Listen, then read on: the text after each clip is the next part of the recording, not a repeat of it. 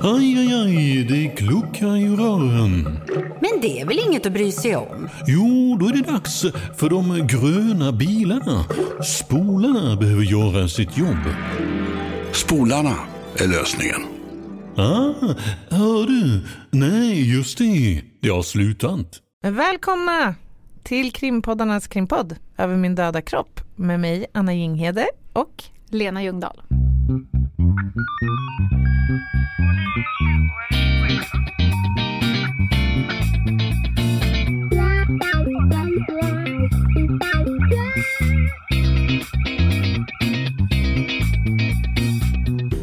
Härligt Lena. Nu kör vi lite mitt eh, ämne idag. Ja, jag är helt blank Är du det? och älskar det. Vadå, du älskar tänder? Nej, jag älskar att vara helt blank. jag har, så här i början på podden, jag känner att jag har ingenting att bidra med. Har- Utan jag kommer att ställa massa frågor och förmodligen komma på saker. Men så här i början, för det vi ska prata om är tänder. Jag Ja. har ju tänder. Rättsodontologi alltså? Ja, jag har ju tänder. Men Ja. där är liksom. Jag har erfarenhet av att vara hos tandläkaren, that's it. Jag har ingen, ingenting annat att koppla till tänder. Du har erfarenhet av att ha tänder? Ja, Ja. Det, det, det är där min kunskapsbas Hur, är hur många tänder har du egentligen? Vet du det? Eh, Jag har tj- 28, Ja. Du har plockat bort visdomständerna? alla fyra, Ja. under bedrövliga former. Omständigheter? Ja. Men ja, 7, 7, 7, 7, 4, 28. Ja, Mm. ja men det är, det är inte alla som har koll på det. Nämligen. Hur många tänder jag en har? eh, nej, det är inte alla som har koll på. Jag tänker nu mer i generella termer. Ja. Hur många tänder en vuxen person normalt har. Nähä. Men det är ju 32. Om Ja. man har visdomständer. Ja. Men saknar man dem eller plockar bort dem, då blir det ofta att man kanske har 28 då. Och då har ju ni benämningar. Ja visst. 1, 2, 2, Och det är inte 7, 3, B1 och 5. B2 som Nej. många tycks tro. Hur går den? Ja, men alltså, det här är högst logiskt. Ja, beskriv gärna. Ja, men om du ser dig en mun framifrån, Ja. ja, så delar du in den i fyra kvadranter, i fyra kvartar. Alltså du Ja. drar ett streck i medellinjen Ja. och sen drar du ett horisontellt. Så du får fyra. Mm. delar. Och då börjar du med den som är din högra överkäke. Ja. Det är kvadrant 1. Ja. Din vänstra överkäke kvadrant 2. Ja. Din eh, vänstra underkäke kvadrant 3. Ja. Och din högra underkäke kvadrant 4. Okej. Mm. Och då har man följaktligen den första siffran. 1, 2, 3, 4. Ja. Sen är också varje tand i varje kvadrant numrerad. Och då börjar man med framtanden som är nummer 1. Ja, Och ett, sen ett. nästa fram. Nu har Exakt. jag fattat. 1, 1, 1, Härligt. 2, 1, 3, 1, 4, 1, 5, Precis. 1, 7 i mitt fall då. Och sen kommer 2, Ja. 1, 2, 1. Jajamän. Okej. Det var väl enkelt? Ja, det var enkelt. Ja. Och sen finns det ju... Oxklusalt. Ja, och lusalt ja. Ja. På tuggytan. Och det där är ju, alltså jag förstår ju att det här är ren grekiska och det här handlar ju om att ma- man ska ha ett universellt språk som kan förstås i journaler och Mm. Vad är sådär. det andra? Distalt. mesialt, distalt, vestibulärt, bukalt, okklusalt, lingualt, palatinalt. Även fast jag hör ju bara distalt och Mm. mesialt. Distalt är bakåt på tanden Ja. eh, eller bakåt på eh, en struktur i kroppen. Mesialt är framåt. Ja. Ja. Lingualt mot tungan, bukalt mot kinden ja, och så vidare. Mm. Så nu har du lärt dig, gått Ja. lilla odontologiskolan. Perfekt. Jag är redo att börja jobba. Kidsen då, hur många tänder har de? Mjölkisarna? Ingen aning. Nej, de har ju 20. Jag var ju inte på mammagruppen. Det Nej, precis, du missade du missade Ja. den lektionen. Ja. Vad sa du, 20? 20 ja. Mhm. Mm. Och då är det så fiffigt så de här kvadranterna som jag pratade om, 1 till 4, Mm. då fortsätter man på barn så då blir det 5, 6, 7 och 8 och så numreras tänderna på precis samma sätt. Mhm. Så var det med det.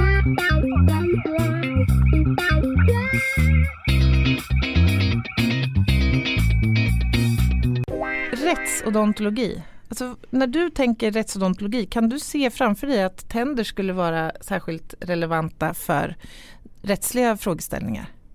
Ja, Att det skulle finnas ett samband där? ja, men det har jag lärt mig under mina yrkesutövning. Ja, du har gjort det ändå? Ja. Kom i kontakt med det liksom?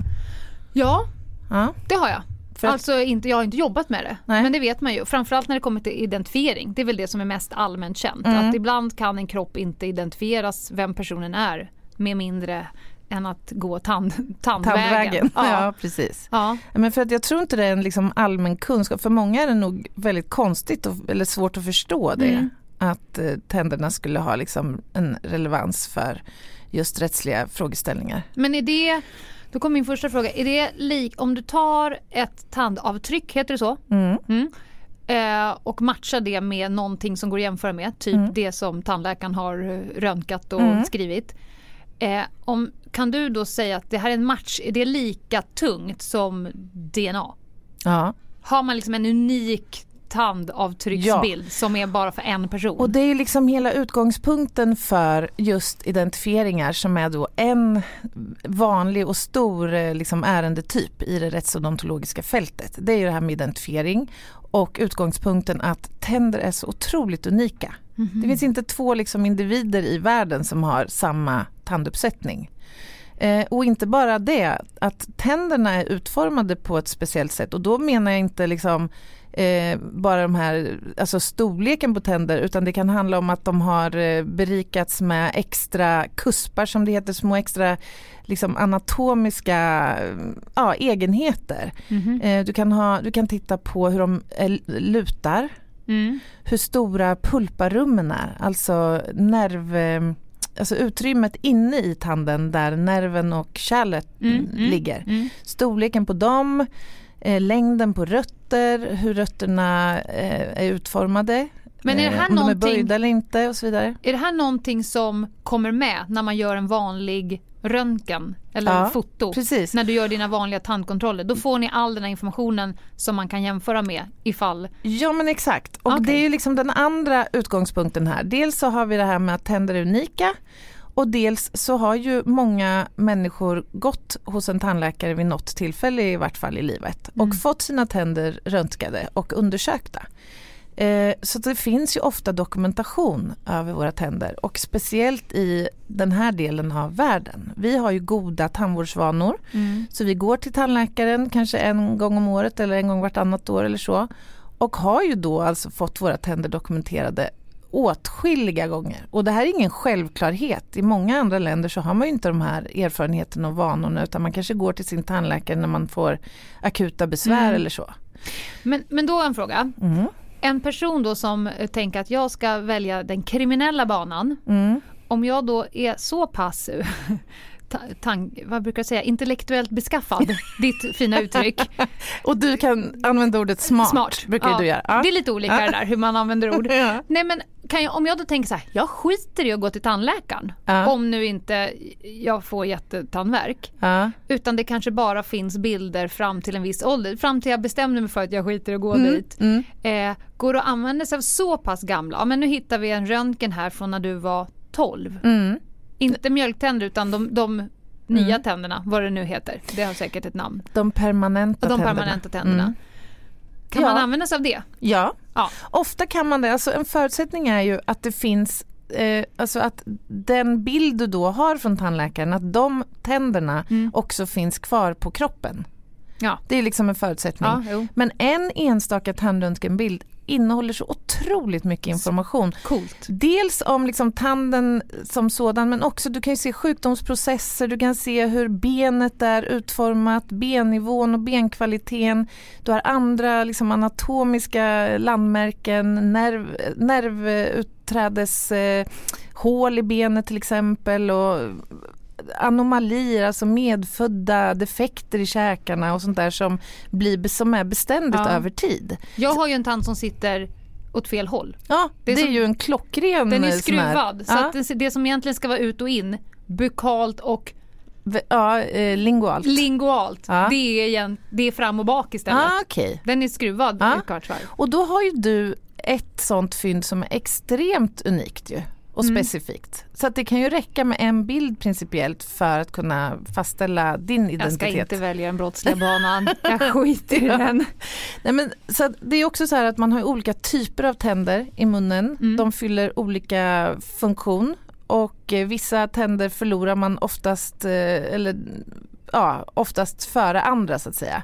Om man har legat avliden länge eh, så kommer förruttnelseprocessen göra att eh, tand, ta- tändernas fäste bryts ner och då kommer de till slut att släppa från käken. Men ofta så finns ju de här kraftiga kindtänderna eller molarerna som de kallas som Mhm. har flera rötter. De sitter oftast kvar. Så, och det räcker oftast, det kan räcka med en enstaka tand kvar i käken eh, för att kunna fastställa identiteten förutsatt att det finns då en tandröntgenbild eller, och eller ska jag säga journaldokumentation hos en tandläkare. Hmm. Så det, är, det är ganska Spännande. häftigt. De är ju också extremt resistenta tänder. Mm.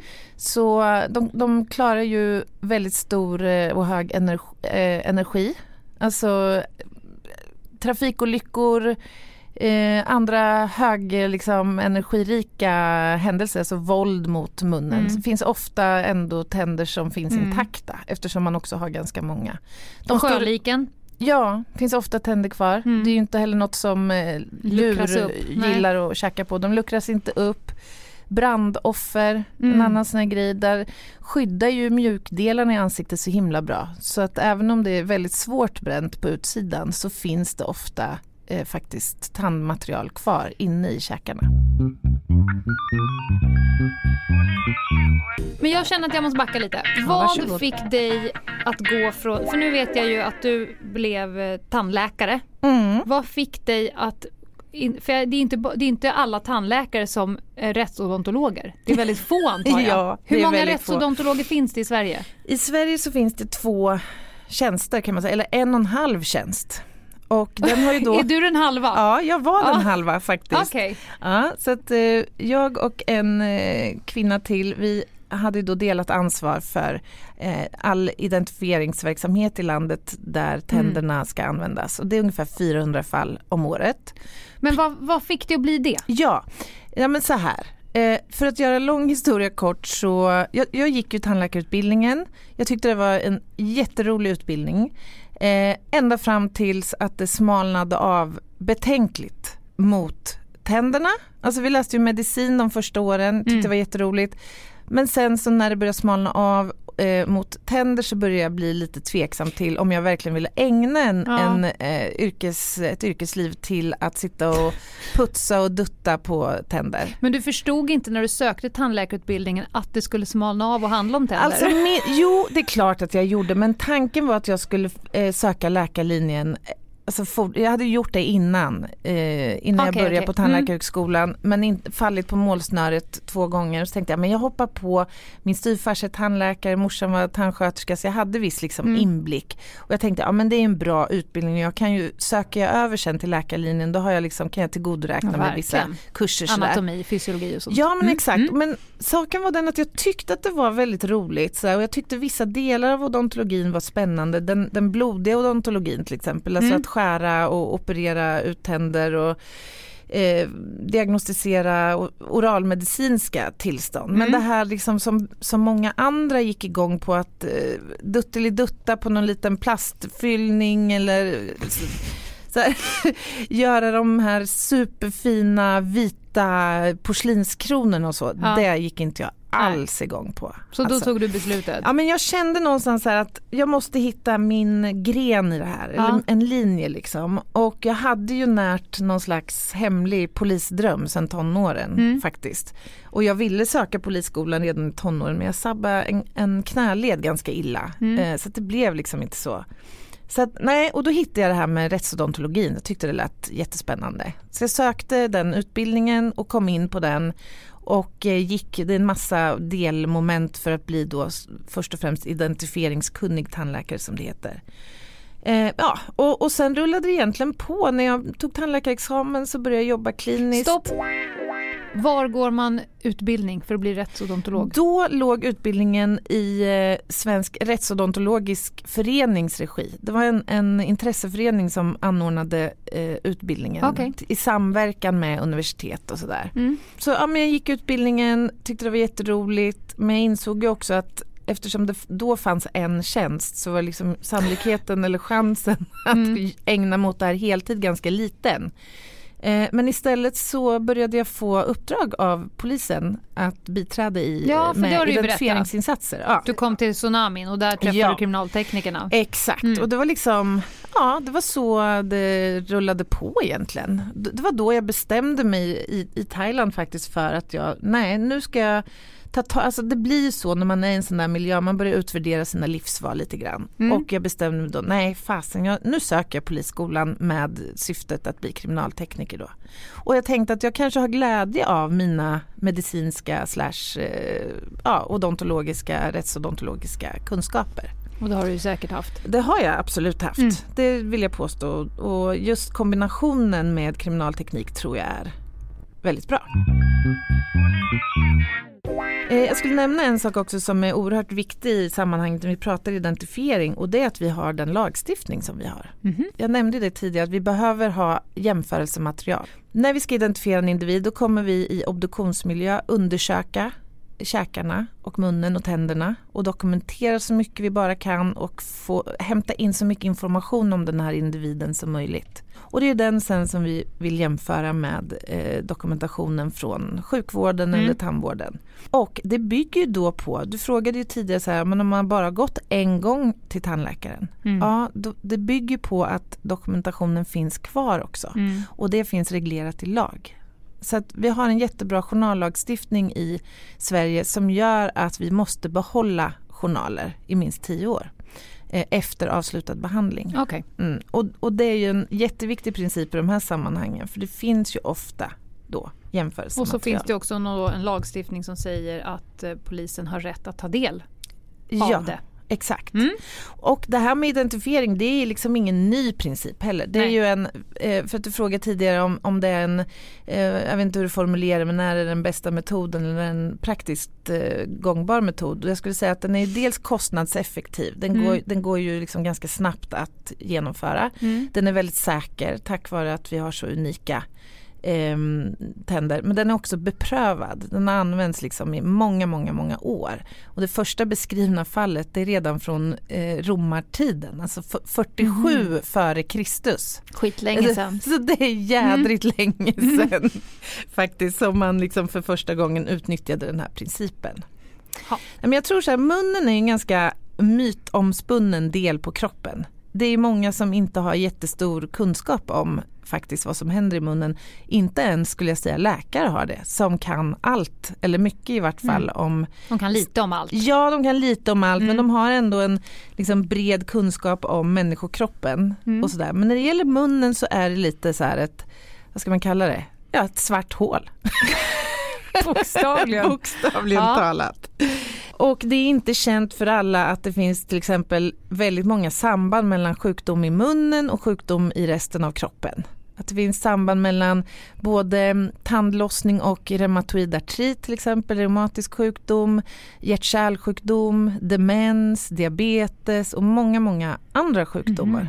Jag menar, eh, vet du till exempel hur många olika bakteriearter vi har i munhålan? Mm, fyra. Nej jag skojar bara. Jag ville bara se din min. Jag tror svaret är typ skitmånga. Ja, Mm. så det, det är Ja. helt rätt. Ja, men någonstans mellan... Älskar din blick. Du bara, ehm, nej. Ja. Har du känt, om, om du har någon gång så observerat din andedräkt precis när du vaknar på morgonen så borde du så här, Ja. förnuftsmässigt Ja. förstå att det, det här De måste, fyra är i det strid måste med varandra. rimligen vara mer än fyra arter. Ja. Någonstans mellan fem och 700 olika Ja. bakteriearter i munnen. Mm. Och då kan man ju förstå att de här kan ju ställa till med lite problem Mm. i resten av kroppen. Munnen är ju faktiskt liksom den första delen av mag-tarmkanalen. Om man vill uttrycka sig lite mer så här, medicinskt. Rättsodontologin ligger ju tillsammans med rättsmedicin och andra vad ska jag säga, medicinska discipliner Mm. egentligen inordnat under eller i rättsväsendets minsta myndighet, Mm. Rättsmedicinalverket. Eh, och man brukar eh, benämna rättsodontologi som en gren av rättsmedicinen. Mm. Eh, och vi jobbar ju tillsammans mycket i eh, obduktionsmiljö bland Mm. annat. Eh, så att Rättsmedicinalverket och det finns då, för er som tycker det här låter spännande så måste jag tyvärr meddela att det är inte jättelätt att få tjänst som rättsodontolog. Eh, Nej eftersom, för det finns ju bara en Ja. och en halv. och man täcker ju faktiskt landets behov Ja. på, på de tjänsterna. Mm. Så, även om det är väldigt, väldigt mycket att göra och särskilt då eftersom man också är ansvarig för eh, identifiering vid katastrofer. Mm. Och då blir det jättesvårt om de här en och en halv personen ska samtidigt alltså sköta den här, eh, hantera katastrofen i sig men också det här dagliga Ja. som, som vi har att jobba med. Men identifieringsfall är inte den enda typen av ärenden man ägnar sig åt. Utan en annan ganska stor del det är det här med eh, att utfärda rättsintyg. Mm. Alltså bedöma skador i Mm. munnen och, och käkarna. Mm. Eh, du jobbade i yttre tjänst. Mm. Eh, kommer du ihåg att du dokumenterade då skador ibland hos, Absolut. hos eh, brottsoffer? Mm. Och begära ut rättsintyg ja. från läkare till exempel. Men minns du om du någon gång dokumenterade skador i munnen på någon? Det gjorde jag aldrig. Utanför. I, I nära anslutning. Ja. Kanske i ansiktet. För det är ju, då vill man ju som polis på plats skriva att precis just nu ser det Mm. ut så här. För det kan ju vara skador som försvinner ganska snabbt. Så då vill man ju snabbt skriva. Mm. Höger kind blånad 3 gånger 5 centimeter. Ja. Vänster kind blodvit uppstod som vi inte ska säga. Det blöder. Och så Precis. vidare. Så vidare. Men jag Mm. har aldrig varit in och rotat i munhålan på någon Nej. och dokumenterat skador. Det känns inte som att en polis ska göra det. Nej, Eller? nej alltså man ska nog inte in och rota. Nej. Det kan Man kan ju möjligtvis skriva att det blöder ur munnen. Ja, men Tanden hänger lös. jag, jag kan ändå tycka någonstans här att man borde ju rimligen Likväl som man frågar en målsägare så har du observerat några skador under din trö- eller under kläder så att säga. Eh, och har du lust att visa dem eller får jag fotogra- ta ett foto på dem Mm. så är det ju rimligt att man också faktiskt frågar om har du känt om något har gått sönder i munnen? Kanske lite om, bortglömt område. Ja, och det, det är precis det jag vill komma Ja. fram till. Absolut. Att munnen är. Och jag tycker det är väldigt, alltså jag tycker det är anmärkningsvärt. För att vet du hur ofta skador uppkommer i munnen eh, vid eh, misshandelsvåld? Ja, det måste vara skitofta. Om Ja. inte annat att någon annan tillfogar en skada. Men det kan lika gärna vara att jag själv har bitit mig Exakt. i tungan, kinden, Mm. tryckt ihop eller vad det nu är. Ja, ja men exakt. Alltså det finns, forskning en, är, forskningen är entydig när det Mhm. gäller det här med utbredning av skador vid det här lite mer lindrigare våldet, alltså misshandelsvåldet. Vi pratar inte det dödliga våldet nu för då är det lite andra mekanismer som spelar in. Men tittar man på misshandelsvåld som sker eh, hemma i närrelationer så är det minst 50% av skadorna som drabbar ansiktet och munnen Mm. Och kanske så mycket som 80% av skadorna. Det, det spänner liksom mellan Mm. 50 och 80 eh, Och mot bakgrund av det så kan man ju tycka att det borde väl vara rimligt att man dels eh, verkligen tittar in i munnen eh, men också när man går till sjukvården för att få skador dokumenterade att en läkare i vart fall försäkrar sig om att det inte finns skador i munnen. Men är läkarna också dåliga på det? Ja, det, jag, jag får be om ursäkt här till mina läkarkollegor men jag upplever nog att kunskapen om det här är generellt dålig Ja, även okej. bland läkare. Ja. Och det, jag vet ju att under läkarutbildningen så läser man inte mer än kanske en vecka oral medicin. Så det är inte heller förväntat att man Nej. ska förstå eh, och tolka skador i munnen. Jag skulle vilja säga Anna att du har mandat att säga så. Har jag det? Ja. Ja, vad bra. Jo men alltså jag har ju föreläst mycket för läkare också och eh, har hört även från kåren själva att här saknar vi kunskap. Vi skulle behöva ha eh, mer.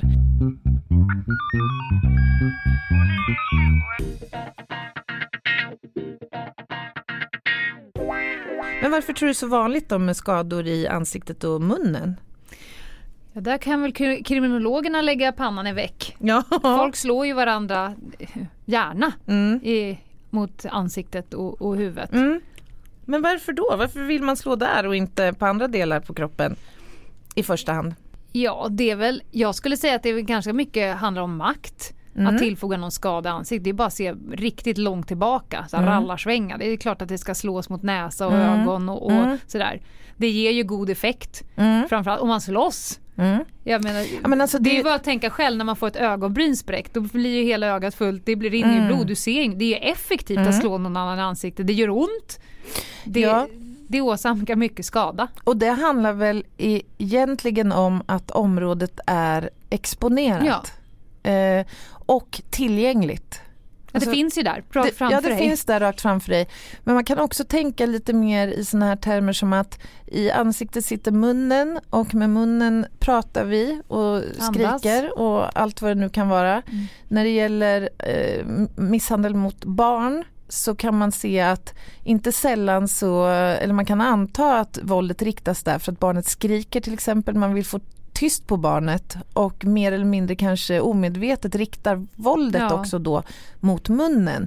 Men det kan också vara att barnet vägrar att äta till exempel och att man därför med våld Mm. tvingar upp ett bestick eller Men någonting det är ett annat i munnen. fokusområde. Ja. Precis som eh, det är man det. tränar på som polis när det dyker upp farliga saker. Mm. Om det är någon som håller sin hand långt ut från kroppen med en kniv i Mm. så ser man ju att poliser skjuter mot handen. Ja exakt. Mot kniven, det är liksom Mm. ögonen fokuserar. Mm. Men jag tänker också att det kanske har att göra med att från nyckelbenen upp, där Mm. sitter ju alla våra sinnen. Ja, möjligtvis inte känsel då, Mm. men alla våra andra sinnen kommer ju från ansikte, huvud. Mm. Hörsel, lukt, smak. Så att vill man liksom eh, trycka dit en annan människa eller göra så att den inte är funktionsduglig och så vidare så är det ju effektivt Ja. att slå mot Men huvudet. det är det. Och det finns ju också teorier kring om det också kan handla om, det kanske är kulturellt betingat vad vet jag, men det här att man faktiskt också vill att det ska synas för omvärlden att eh, du har eh, Mm. begått någon klandervärd handling. Eller Syra så. i ansiktet. Ja men Ja. exakt lite den Mm. principen men sen är ju också ansiktet speglar ju på något sätt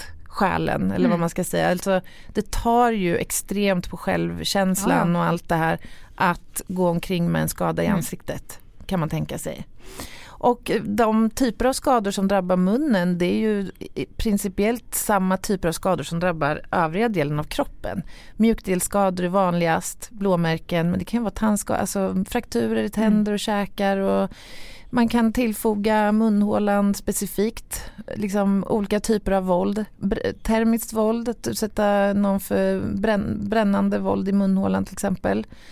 Eh, I tortyrsammanhang så är det ganska ofta förekommande att man drar ut tänder eller utsätter tänder för hög värme. Ja, det kommer jag ihåg. Jag har varit på tortyrmuseum och då var det mycket Ja. handlade om naglar och tänder. Ja, och det beror ju på att tänderna är ju ett extremt nervtätt organ. Alltså tillsammans med vissa delar i ögat bland annat så är tänderna det nervtätaste. Jo tack, det känner man ju Och när det- bedövningen inte riktigt sitter när det börjar borras. Och det där, precis, alla kan nog Oh. mer eller mindre relatera till det där. ja. Nej, men man kan eh, påtvinga någon eh, frätande ämnen eller kemikalier. Eh, föra in instrument eh, eller tillhyggen i munnen som orsakar skada. Sexuellt våld kan det ju vara att man oralt liksom penetrerar någon, Mm. vilket orsakar skada också såklart. Och könssjukdom till exempel kan man ju hitta i munhålan. Så att munnen är otroligt viktig när det rör eh, dokumentation av skador som förknippas med våld.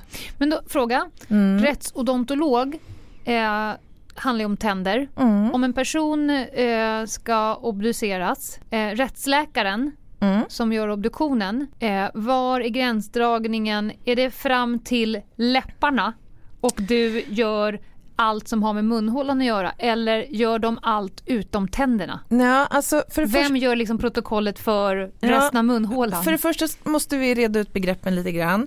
I tandläkarens eh, liksom, yrkesområde ingår att eh, diagnostisera skador och sjukdom i tänder och alla angränsande vävnader. Och det inkluderar käkarna, slemhinnorna och alla andra delar i munhålan och i angränsning till Mm. munhålan. Det vill säga läppar, spottkörtlar eh, och allt vad det nu kan och nu vara. sa du tandläkare. Ja, Alla tandläkare. tandläkare. Ja. Mm. Eh, För att det förstås inte generellt, inte ens tror jag i läkarskrået vilken kunskap man faktiskt har. Nej. Eh, och, och det gör att det blir också en liten konstig gränsdragning. Men som svar på din fråga så brukar det oftast vara så här att läkaren gör en eh, yttre inspektion och bedömning och brukar så att säga titta in i munhålan och Mm. ser man någonting som sticker ut så om man inte förstår själv vad det är så, så frågar man eh, Mm. odontologen. Okej. Eh, samtidigt så tror jag ibland att det skulle kunna vara bra om man rutinmässigt också lät en rättsodontolog, eller rutin, men i de fall det handlar om yttre våld och skador från våld, låter en rättsodontolog faktiskt göra en ordentlig genomgång i munhålan för att det kan finnas skador där som faktiskt inte en läkare känner, känner igen. Bra.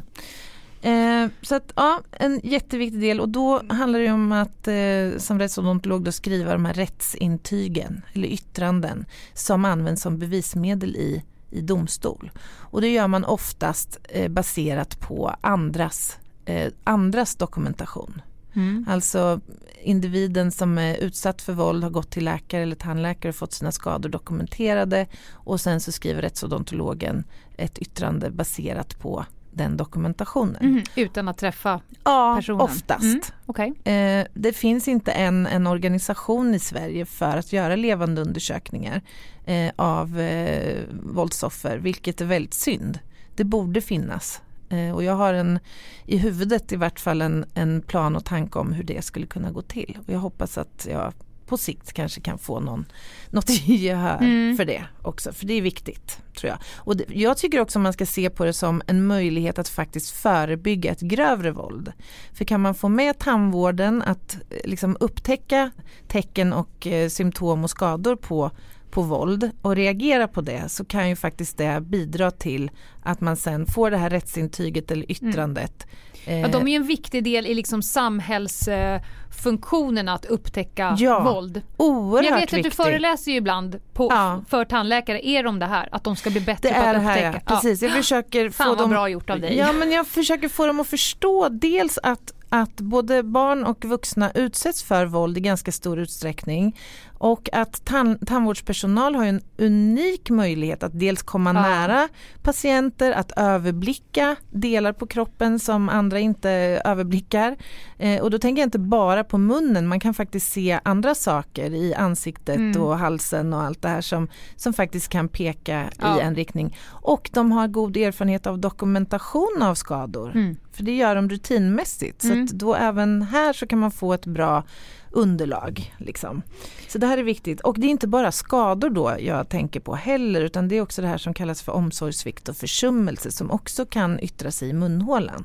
Alltså att man inte tillgodoser ett barns till exempel behov av vård.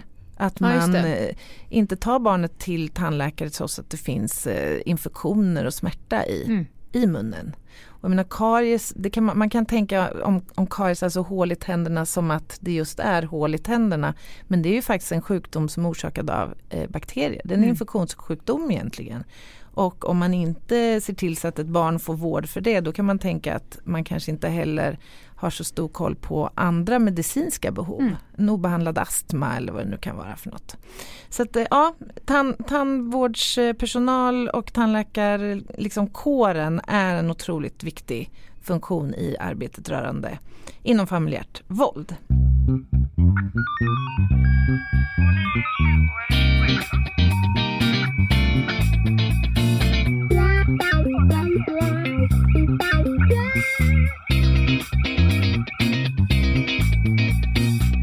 Har du hört talas om eh, Isdalskvinnan Lena?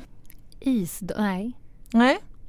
För det är ett annat eh, exempel på när rättsodontologi eller rättsodontologiska principer har varit väldigt eh, viktiga. Eh, har du talas om att man kan göra något som kallas för liggetidsbestämning?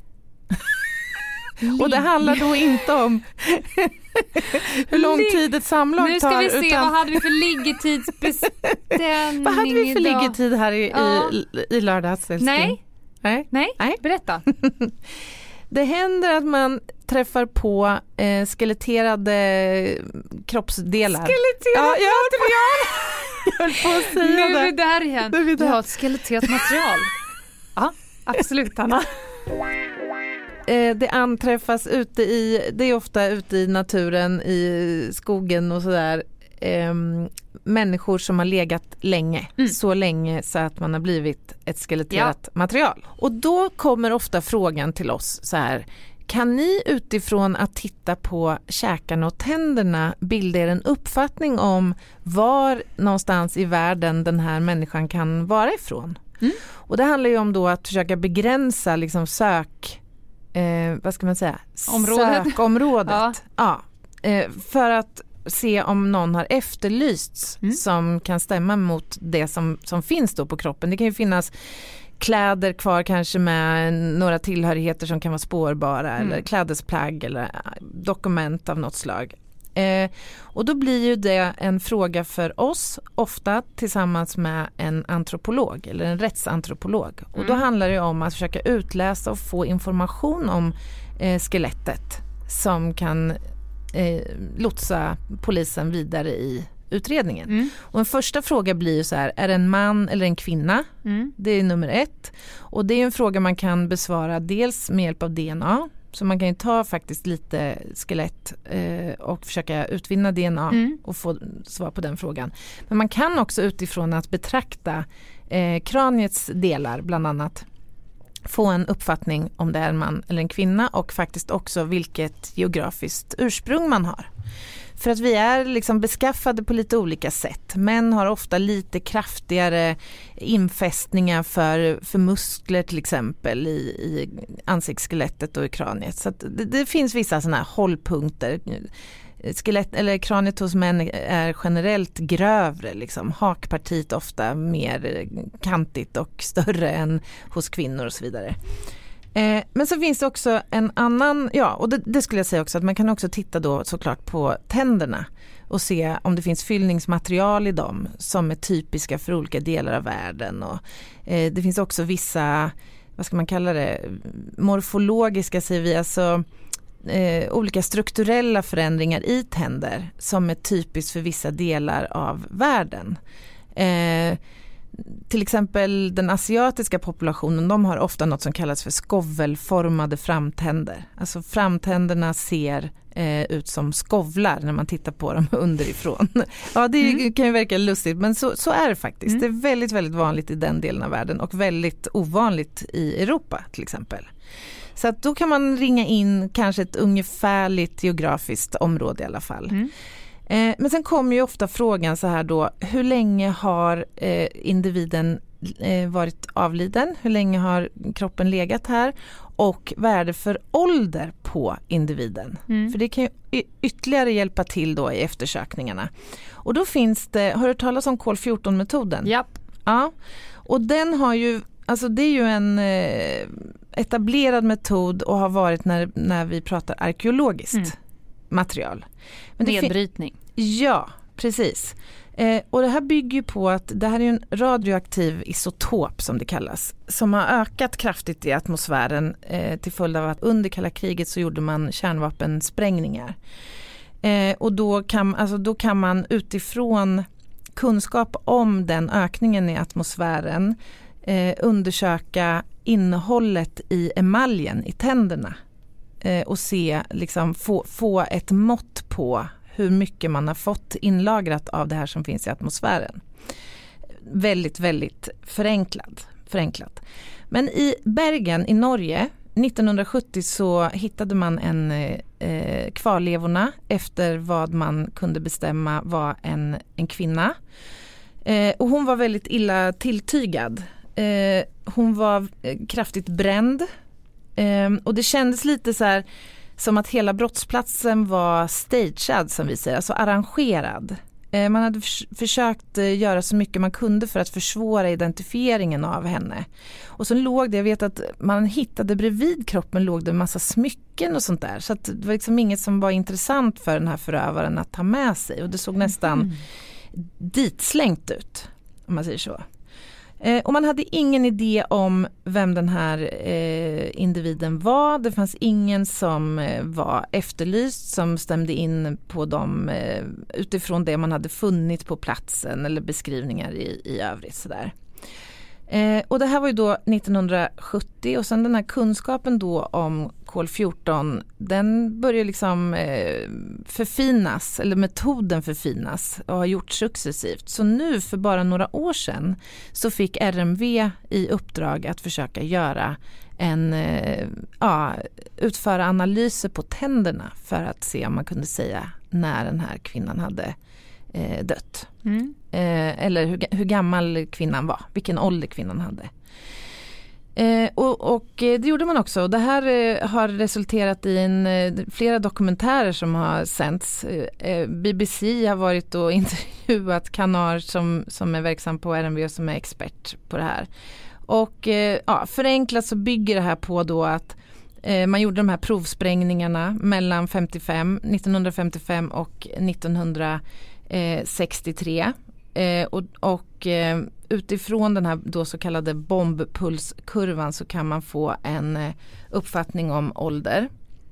man gjorde en analys i alla fall av tre tänder från den här kvinnan Mm. och kunde konstatera, det är emaljen man tittar på då, och då kunde man konstatera att hon hade ingen förhöjd mängd av den här eh, radioaktiva isotopen och då kunde man med säkerhet säga att hon var född före då 1955 eh, och med vissa justeringar som det kallas eh, mellan födelseår och år som hon hade levt så kunde man säga till och med att hon var född före år 1944.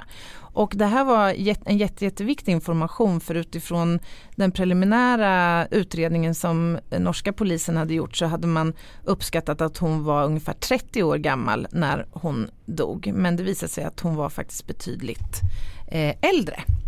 Så att, eh, ja, det här är en komplex Ja. eh, metod. Eh, men väldigt intressant och den är ju en jätteviktig polisiär eh, metod för att försöka klarlägga vem en individ är om man inte har någonting att gå på. Man kan Nej. ju också faktiskt utifrån analys av tänder eh, få en uppfattning om näringsintag till exempel och, och då kunna dra vissa slutsatser om olika geografiska ursprung. Så att man kan göra en så kallad då dental profilering utifrån ett skeletterat Material. Yes.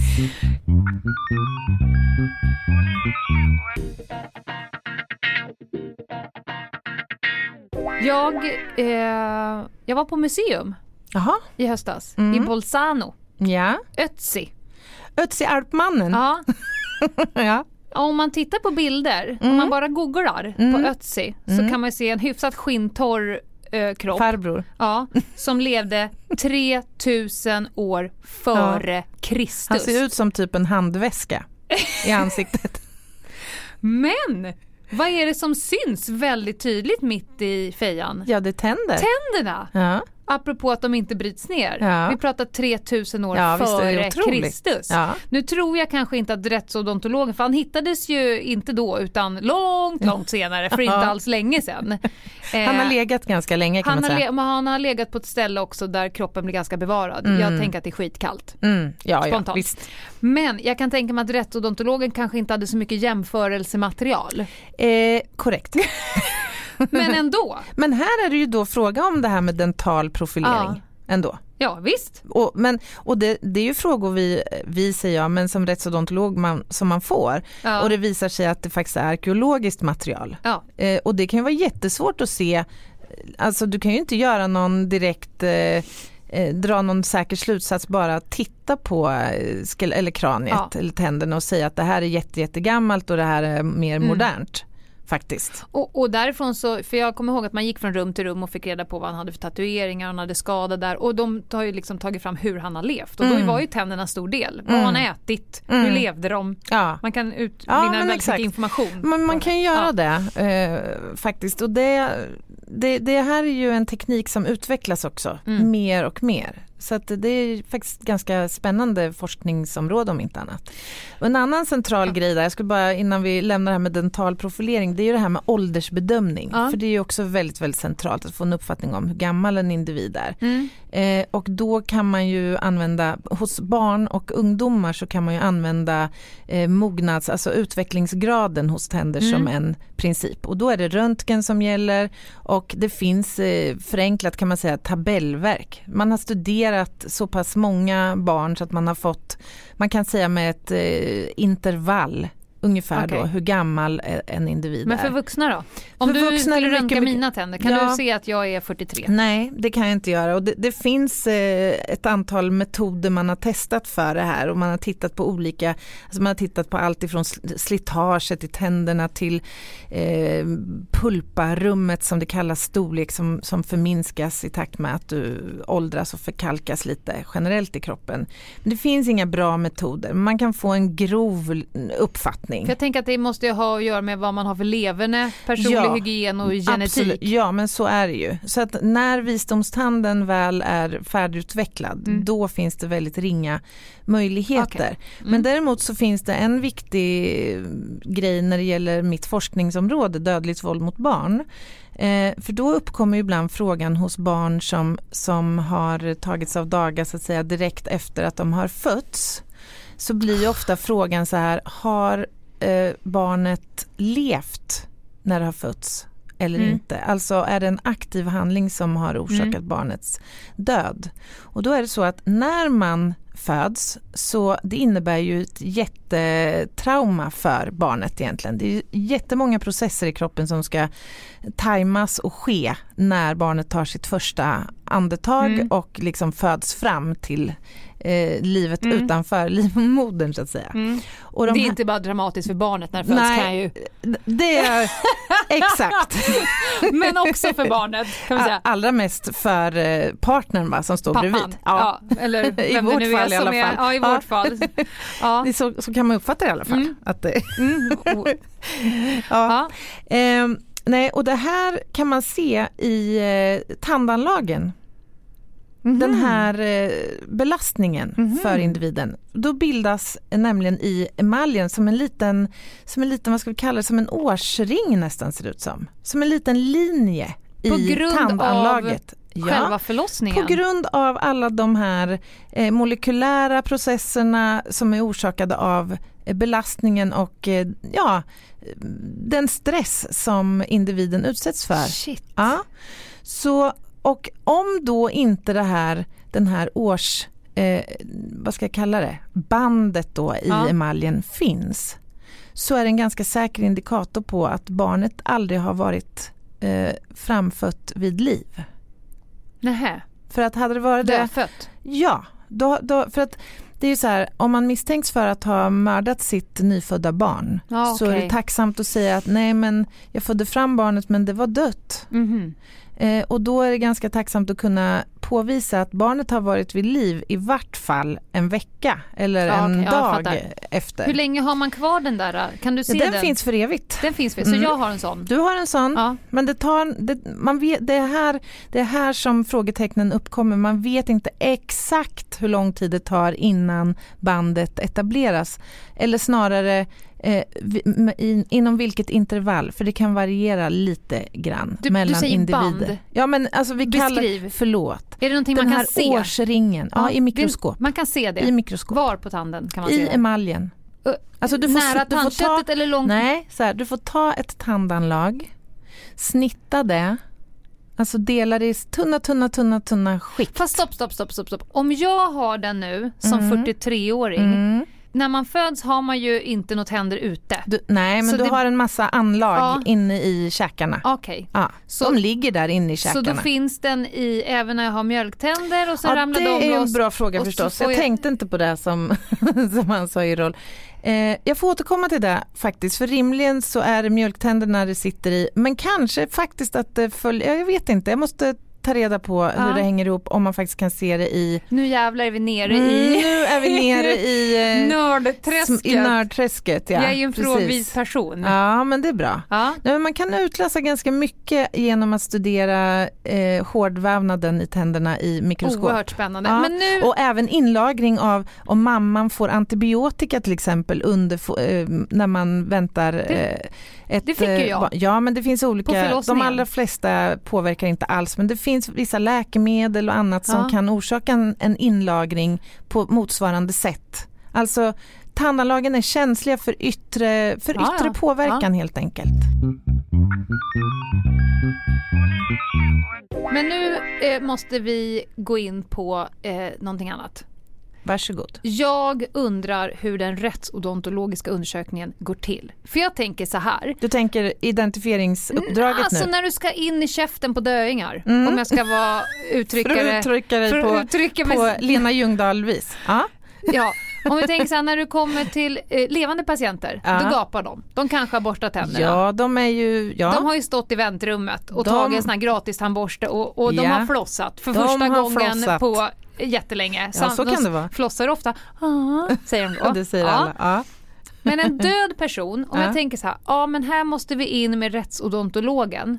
Vi måste identifiera personen via tänderna. ja. Rimligtvis att man behöver identifiera en kropp via tänderna, Mm. då är resten av kroppen eh, Mm. Obefintlig eller sörjig Mm. eller mumifierad Ja. eller någonting annat. Det, Ja. Du måste ju få de äckligaste av de äckligaste Ja. fallen.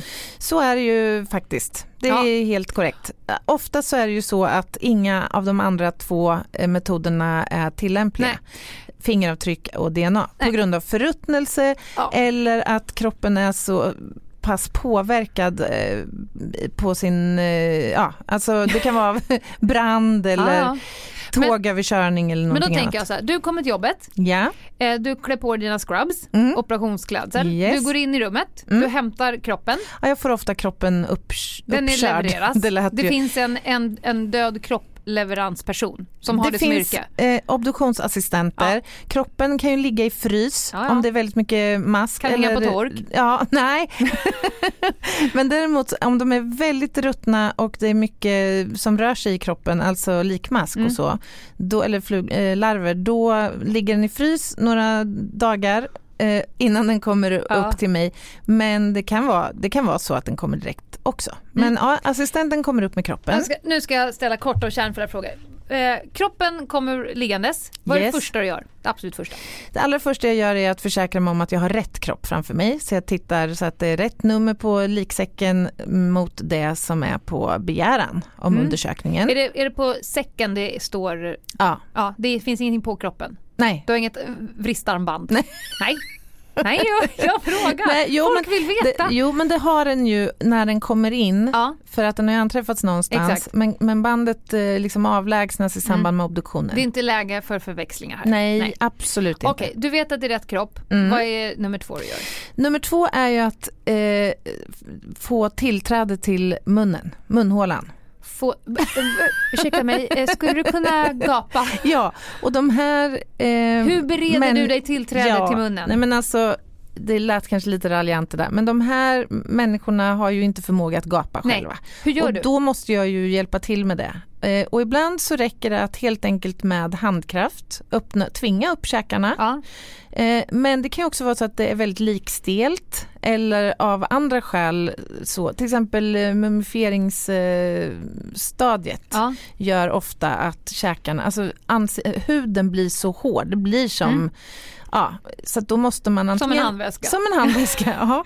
Då måste man antingen eh, lägga ett litet snitt Ja. eh, för att komma in eller tvinga upp käkarna med en munöppnare. Ett verktyg. Ja. Beskriv verktyget. Eh, verktyget det, det ser ut som det är som två skänklar som på en sax ungefär fast med en trubbig ände. Eh, som du för in mellan tandraderna. Sånt som gynekologen använder. Ett spekrum, ja det skulle man kunna säga. Ja. Ja, det är inte helt olikt. Den ska bändas upp. Ja. Ja. och sen har du en ehm, skruv Ja. i andra änden som du då skruvar så att skänklarna öppnar upp sig. Ja. Och då kommer också käkarna att öppna upp sig. Mm. Ja. Går du alltid in via öppningen så att säga? inte alltid. Går du in via kinden? Ja, det händer och jag kan gå in om man har lagt ett så kallat kragsnitt eh, Mm. vid obduktionen. Då är det ofta öppet, eller det kan vara öppet liksom Nu un- pekar du underifrån. under, Nu ja. pekar jag precis. Mm. Eh, så att man går via där tungan ligger Mm. om du tänker i. Fotar du någonting under det här? Ja, jag brukar, ja, det är inte alltid jag gör det men ofta så fotar jag och det brukar jag börja med då såklart innan jag går in i munhålan och undersöker den. Likmaskar, är de i, i munhålan? De älskar ju att vara i munhålan. Faktum är Du är en sån att- himla sjuk person Anna. Jag orkar inte. Du Ja, men alltså, det- ja, nej, ja, ja, absolut. Ja. Fast jag tycker det är lite, Ja. det är lite kittlande Mm, Det ändå. är det som gör dig till en sjuk människa. Det är precis det som gör dig till en sjuk människa. Ja, men det är ju sådana sagolika mängder. Alltså det är ju det är ibland så att man får Åh. jaga dem över golv och ja, nej, men så är det. Så ibland får man ju liksom helt Vänta, enkelt vänta, vänta, vänta, vänta. skopa ur. Lever de fortfarande? Ja, Men de om, ju om, om de inte dem. har varit i frys så lever de ju. Alltså Ja, ja, har de varit i frys jo, då ligger de ju där fast eh, liksom Mm, I döda. fäktarställning. Ja, i fäktarställning. Ja. Men det är inte alltid de har varit i frys. Så det händer att det är, eller det kan vara väldigt bråttom att få en individ identifierad och då hinner de inte ligga i frys och då är det helt enkelt väldigt När mycket. försvinner de? När har de liksom ätit klart? Om Ja, ett lik det- ligger i skogen, det kommer eh, likmask, Mm. in i munnen, götta gött. När lämnar de? De Ja, är inte där. inte- På Ötzi fanns det inga likmaskar. Nej, men, De har ju gått vidare. ja, de har passerat. När det inte finns något att eh, förtära helt enkelt är väl det enkla svaret. Och vart tar de vägen då? Vad händer efter en Ja, likmask då- är mätt? De blir ju liksom flugor, de drar ju iväg. drar, de Ja, skäggar. de skäggar. Nu drar de vi. Ja. Okej, okej, du har Ja. bändat upp, du har gått Ja. in. Och då rengör du, du måste ju få bort de Ja, här. man kan Ja. behöva spola och kanske borsta tänderna lite grann för att få rent. Så att man kan... Vänta, Ja, stopp, stopp, ja, stopp, ja, stopp, ja. stopp, stopp, stopp. Ja. Har du samma engångsborste som står på Folktandvården? Står det en mugg sådana? ja, Jag naturligtvis. kommer aldrig någonsin kunna borsta tänderna hos tandläkaren igen. Såklart. Ja, det är ju inte samma Nej, tandborste, nej, nej, Lena. nej, jag fattar att det inte är samma, men ändå. Okej, du Och borstar här har du tänderna. en bättre begagnad. Man måste ju såklart göra rent så att, så att jag ser vad som finns. Har du samma verktyg som en sån här blås? Ja, exakt. En nej, sug? ingen bläster har jag inte. Bläster. Bläster? Eh, nej, Den där sugen? Sugen behöver jag inte eftersom det inte finns saliv som strömmar till. Nej. Nej, men jag har spegel, speglar, Och den där lilla Sond. hovkratsen. sonden. Ja, Vad är sond? så, ja, det är den. Det är den? Hovkratsen som vi Aha. kallar den. Det är en sond. Eh, tänger har jag om jag behöver ta ut tänder Mm. för Borr? analys. Nej, ingen borr. Men hur kommer du in till pulpahålan? Ja, men det, jag röntgar den så jag behöver aldrig liksom okej, komma okej, in okej, i den. Du får, ja, okej. Vänta, vänta, vänta. Mm. Röntgar, då får man ju hos tandläkaren får man ju in en platta Ja, en och sen säger de bit ihop Ja. och sen skaver den ju med 100% säkerhet så skaver den ju upp i gommen, och n- ner, under tungan Ja. varenda gång och så springer ju de ut Ja, och sen kommer de in. exakt samma här. Nej, Jo. det är inte exakt Jo, för personen Ja. kan inte bita ihop. Skavsåret kan vi bortse ifrån. Men då skruvar du ner den här brrrr, ner, och så tar du ihop munhålan. Nej, jag, brukar, jag brukar fylla upp munhålan med papper, med typ hushållspapper.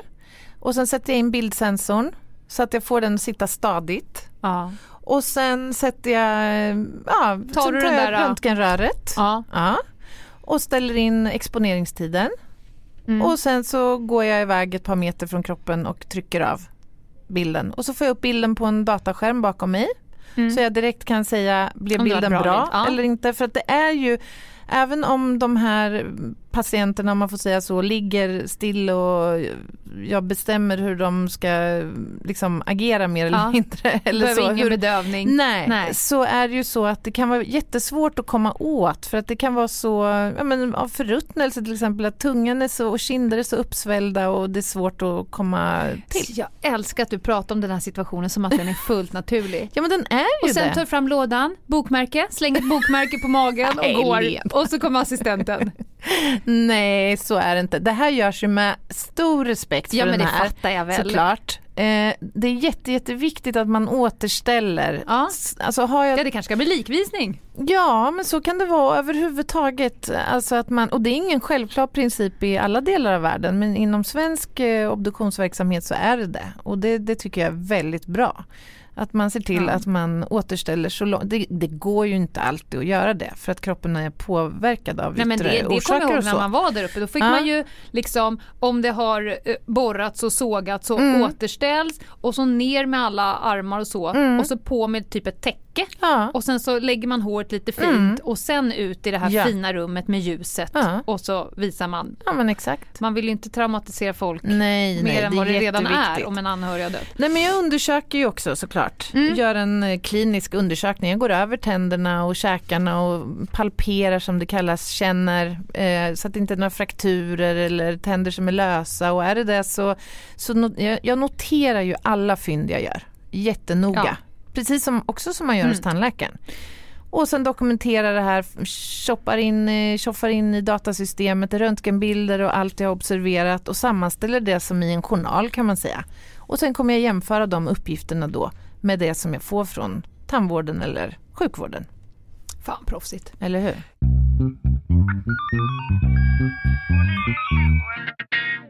Jag har en sista fråga känner jag. Ja. Mugshots. Ja. Om man typ så här googlar på mugshots. ja. Det är en jävla trist syn i käften på dem. Det är ju på sin höjd två små stift. Kletigt och trist Nej, Söderqvist. ja men det ser ut som att någon har lobbat in tänderna Kastat in. från, från Ja. 20 meters håll och så har de liksom rasat in två på sniskan.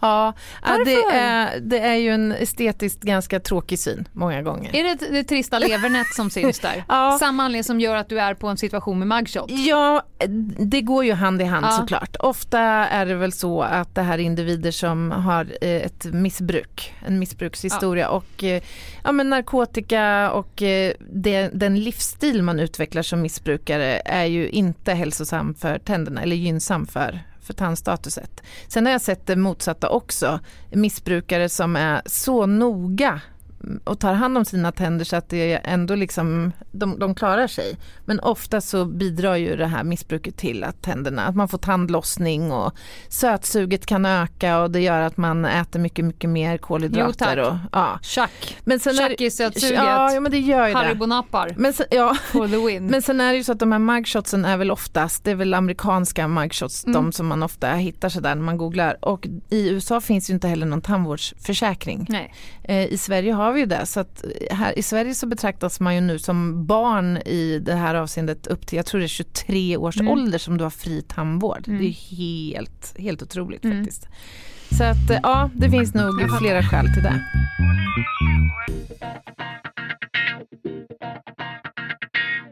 Jag tänkte så här bara att vi skulle avsluta med några, jag har hittat några ganska roliga fun facts ändå. Kör. Det, det, det kan vara svårt för dig att förstå att det finns fun facts om käften, men det gör det faktiskt. Ja. jag, är, jag är öppen. Ja. Kör. Okej, eh, först och främst, eh, om, vet du hur mycket saliv en mun producerar under en livstid? Och jag tror att de här fanfacts blir jobbiga för mig. Jag är ju lite äcklad av allt som har med munnen att göra. Ja. Saliv under en livstid. Ja. Hinkvis. Ja, hinkvis. Äh. Det är uppskattat till en mängd som kan fylla två swimming po- po- Nej men du kan inte hålla på så här, för nu kommer folk kommer aldrig borsta tänderna igen, folk kommer aldrig bada igen.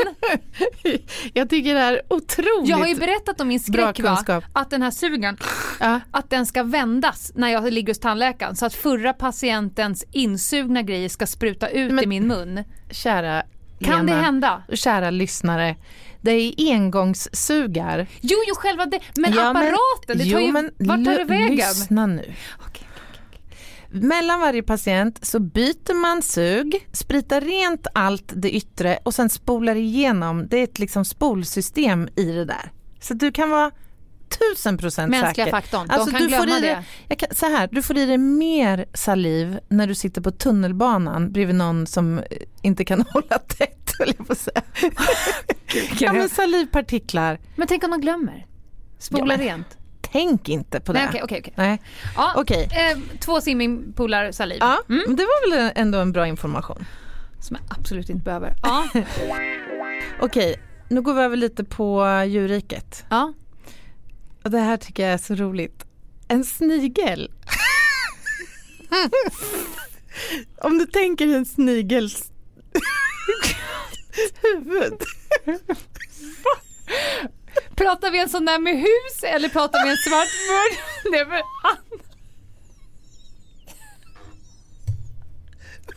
Med hus.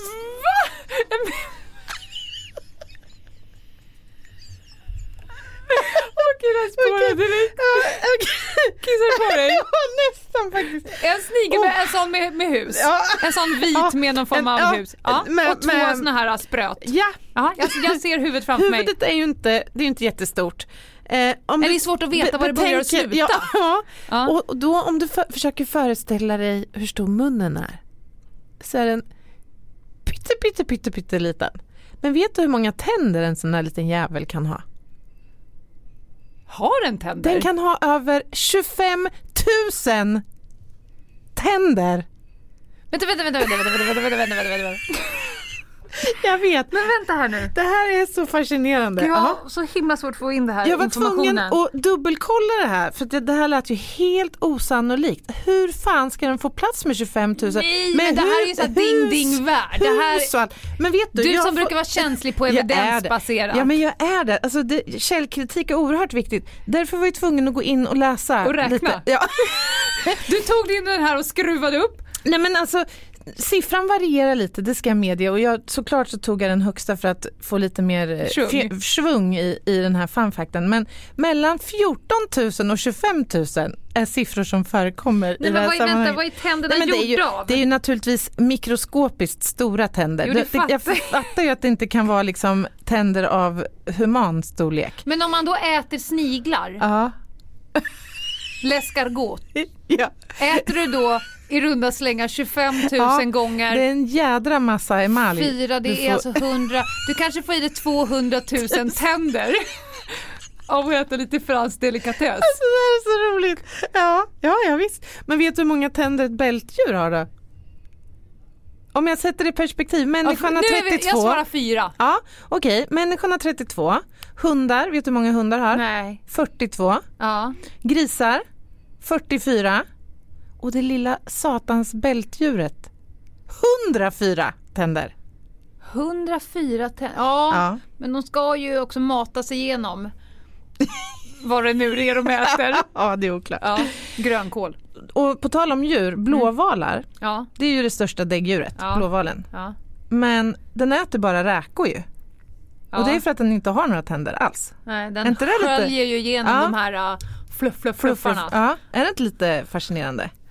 Jo, Och du, en sista grej som kan Ja. vara bra att skicka med dig. Flossar du eller? ja. Och nu tänker jag inte på, Mm. alltså, floss. Alltså, gör du rent Jag har såna dina approximalytor med eh, tandtråd? Det som är mellantänderna. Ja, jag har en sån här grej och sen så är det som en liten bygel och sen är det två snören Ja, men det är mellan bra. den. Det är bra. Plackers. För vet du, om du inte gör det så missar du att göra rent ungefär 40% av dina tandytor. Mm. Nej, Jag, jag gör faktiskt det. Ja, det är bra. Det är ordning på dig. Oh.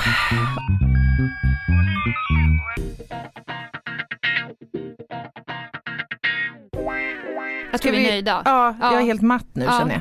Jag måste läsa på lite om Tack sni- Anna. snigel... Idag erbjöd jag inte med någonting annat än frågor, vilket jag tyckte var jätteskönt. Ja, det, men eh, och jag tänker att det var kul att jag kan något som inte du kan. Bara det, visste du inte det? Nej, det kom, lite som en... Det är roligt Ja, nej, det här, jag tyckte Du det var jätte, jätteintressant. bred på allt. Du, du kan så mycket. Så Ja, men det eh, här, var roligt det att få lära dig kan något. jag vara helt blank. Men Ja. nu vet jag att en snigeljävel har 25 000 tänder. Bara en sån Ja, sak. bara en sån ska, sak. Jag ska gå vidare med, vi får följa upp det här Ja, vi längre fram. Vi har ett Instagramkonto. Yes. Eh, det är väl ganska känt vid det här laget. Mm. Eh, Ljungdahl och Ginghede. Gå in där, följ oss där och eh, ja, vi försöker hålla er uppdaterade om vad som händer med podden och lite annat Mm. smått och gott. Yes. Det går också bra att mejla oss på ljungdahloginghede.gmail.com. Vi ses nästa vecka. Ja, Kärlek. Hej då.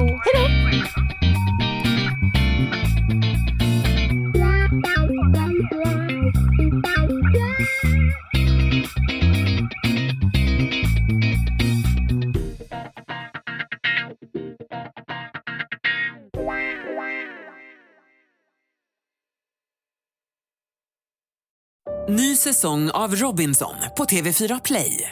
Hetta, storm, hunger. Det har hela tiden varit en kamp. Nu är det blod och tårar. Fan händer just nu. Det. är Detta är inte okej. Robinson 2024, nu fucking kör vi! Streama söndag på TV4 Play.